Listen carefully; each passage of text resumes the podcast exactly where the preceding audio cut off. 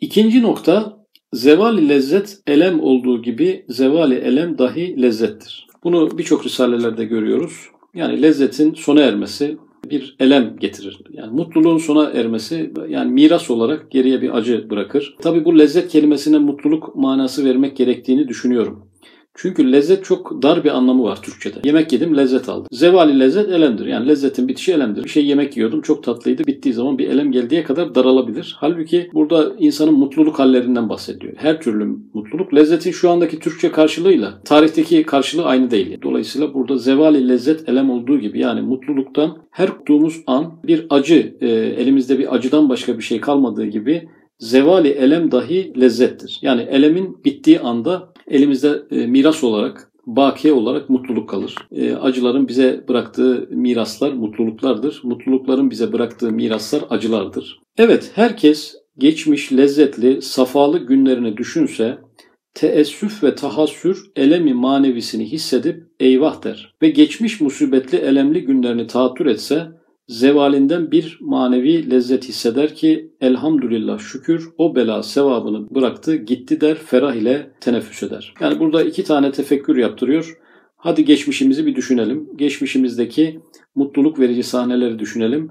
Onu her düşündüğümüzde bir nostalji acısı. Ne güzeldi o günler. Güzel gibi geliyor ama insanın bir gözlerini bir yaşartıyor. Bir daha oralara ulaşamamak. O günlerin bir daha geri gelmemesi. O güzel anların bir daha yaşanamaması, o birlikte mutlu olduğumuz insanların bir daha yan yana gelemiyor olması e, insanda bir burukluk e, bırakıyor. Halbuki mutluluk verici şeylerdi. Şimdi niye burukluk bırakıyor? İkincisi biz bunu bir daha hatırlayınca bir daha bir burukluk bırakıyor. 10 kere hatırlasak 10 kere burukluk bırakıyor. Bu nasıl mutluluk verici sahnedir ki? Bir kere bizi mutlu etti, binlerce defa mutsuz ediyor. Fakat bir de belalı günlerimizi bir düşünelim. O acılı günlerimizi düşünelim. O acılarından nasıl kurtulduğumuzu, Orada nasıl e, e, Allah'ın rahmetiyle bir şekilde e, sahili selamete ulaştığımızı, e, o zor günleri hatırlarken insanda bir mutluluk, bir ferahlık. Halbuki o zor günlerden kurtulduğumuz ilk gün bir sevinç yaşamıştık. Düşünürken bir sevinç daha yaşıyoruz. Yüz kere düşünsek yüz tane sevinç yaşıyoruz. O acılardan kurtulduğumuz günleri hatırlayınca. Demek ki ne oluyor? Acılar bir şekilde miras olarak e, mutluluk bırakıyor. Bunu da bir kere bırakmıyor. Binlerce kez bırakıyor. Her tahattür edilişinde bir daha bırakıyor. Bu kadar verimli, velut, doğurgan bir döngüsü var yani acıların. Üstelik bir de ahirete bıraktığı şeyler var. Dünyada böyle olduğu gibi sevaplarını bırakması. Yani genelde lezzetlerden geriye kalan dumanları, günahlarıdır diyordu başka bir risalede.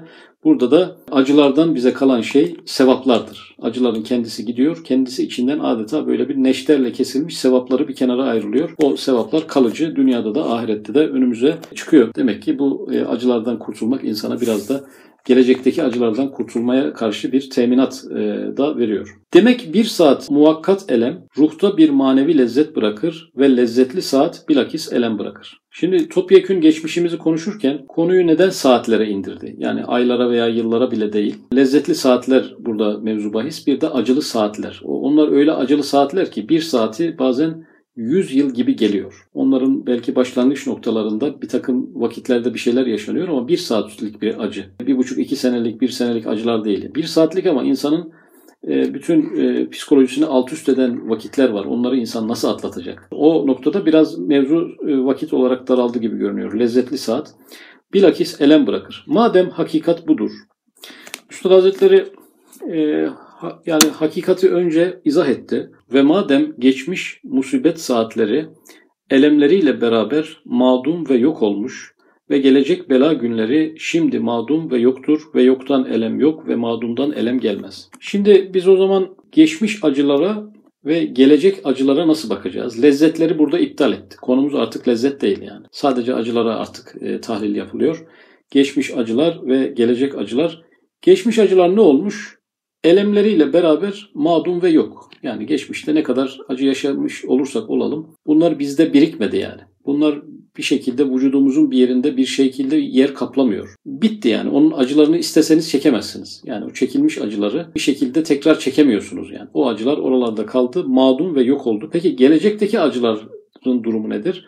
Onlar da şimdi madum ve yoktur. Yani iki tane yokluk. Geçmişteki acılar yoktur ve dünyadaki bütün insanların geçmiş hayatı, geçmiş hayatında acı yoktur. Neden? Geçmiş yok olmuştur. İptal olmuştur. Madum, idam, idam olmuştur. Yani geçmiş olmadıysa, geçmişe ulaşmak mümkün değilse, geçmiş bir yerde depolanmamışsa, yani ilmi ilahide e, depolanmıştır ayrı bir mevzu ama insan açısından söylüyoruz o halde yoktur yani. Yok olan bir şeyden elem gelir mi? Gelemez. Yok olan bir şey acıtır mı? Acıtamaz. İncitir mi? İncitemez. Peki gelecek? Gelecek de yok. Bizim sadece içinde bulunduğumuz bir an var yani. Gelecekteki acılar bize nasıl acı veriyor? Vermemesi lazım. İnsan bu ikisinin arasında e, müzikleri düşünelim arkadaşlar. Yani müzikler üzüyor. Üzen müzikler çok dinleniyor. İnsanlar mesela sabah kalklarında bir üzüntüleri olmadığı halde e, üzüntü verici müzikler dinleyerek kendilerini üzmeyi başarıyorlar. O e, acıları yeniden yaşamaya çalışıyorlar. Filmler üzüntü veriyor. Arabesk cümleler çok beğeniliyor ve bir şekilde dünyada acı çekmeye karşı bir iştiha oluşturulmuş durumda. E, insanları depresyona sokan içeriklerin en basitinin bile milyon kere dinlendiğini görüyoruz. YouTube'da şurada burada görüyoruz. Doğal olmayan yapay üzüntü vericilerle e, bütün hayatı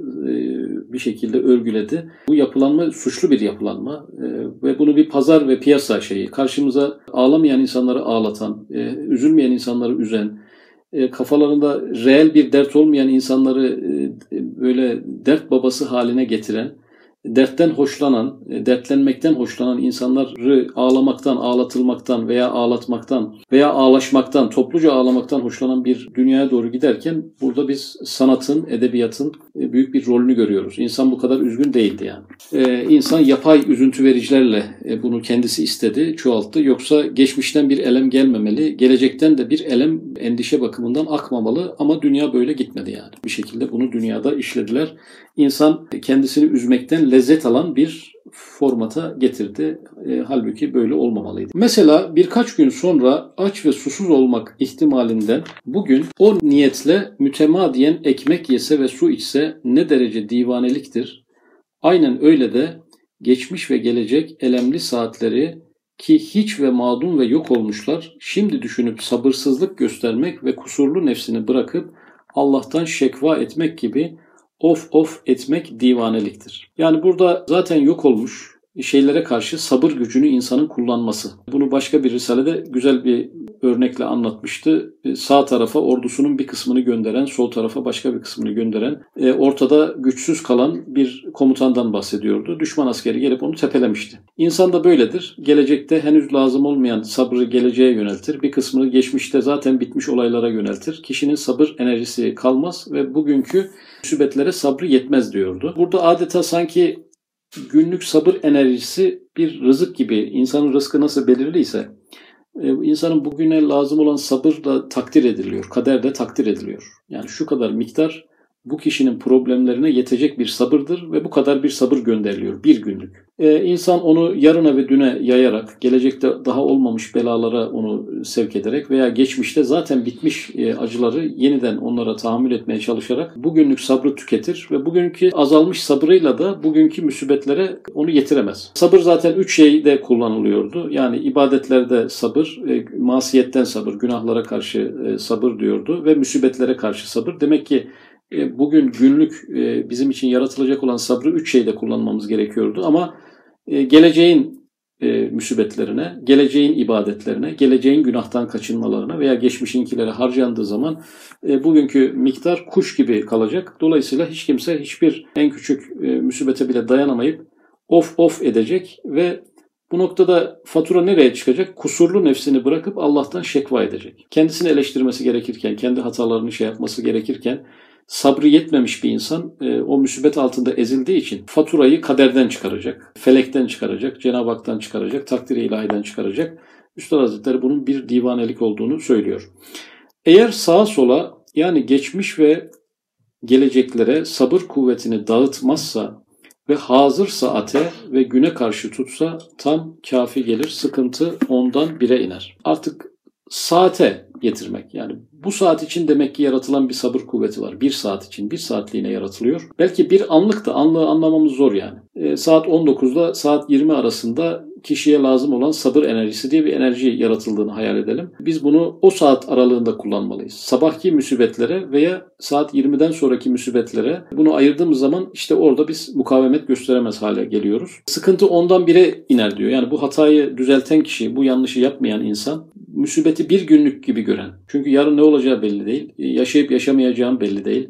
Yarına çıkıp çıkmayacağım belli değil. Elem madumdan, yoktan elem gelmez diyor. Bir yokluk yani. Arasanız bulamazsınız. Elinizi uzatsanız dokunamazsınız. Gitmek isteseniz dönemezsiniz. Öyle bir şey yok yani. Geride bir zaman dilimi bir yerde birikip e, sizi beklemiyor tekrar temas etmeniz için de. İnsan e, bu mantıkla çok büyük musibetlere dayanabilir ve musibetlerin içerisinde fazlalık olan onda 9 gidiyor yani fazlalık. Vehimlerden kaynaklı, gereksiz psikolojik kaymalardan e, kaynaklanan onda 9'luk bir dilim var. E, bu meseleye böyle yaklaşılırsa o onda 9 aradan çıkıyor. Gerçek musibetimizle baş başa kalıyoruz. O bir gün bir günü akşam etmek, e, yarını sabaha çıkarmak. Asıl mesele bu olunca insanda bir e, hedefin küçüklüğünden kaynaklı bir güç depolanması oluyor. Onu da bir şekilde e, idare ediyor. Bir gün değil mi yani alt üstü? Ne var yani? Bir gün sabretmekte ne var deyip hepsini teker teker atlatabilir. Okuduğumuz başka bir risalede Erzurumlu bir hasta ziyaretine gittim. Yüz gecedir uyuyamamışım diye şekva ediyordu. Ona dedim ki kardeşim sen işte e, bundan sonrasını düşünme daha gelmemişler. Geçmişi düşünme zaten gitmişler. Sen sadece bugünü düşün. O zat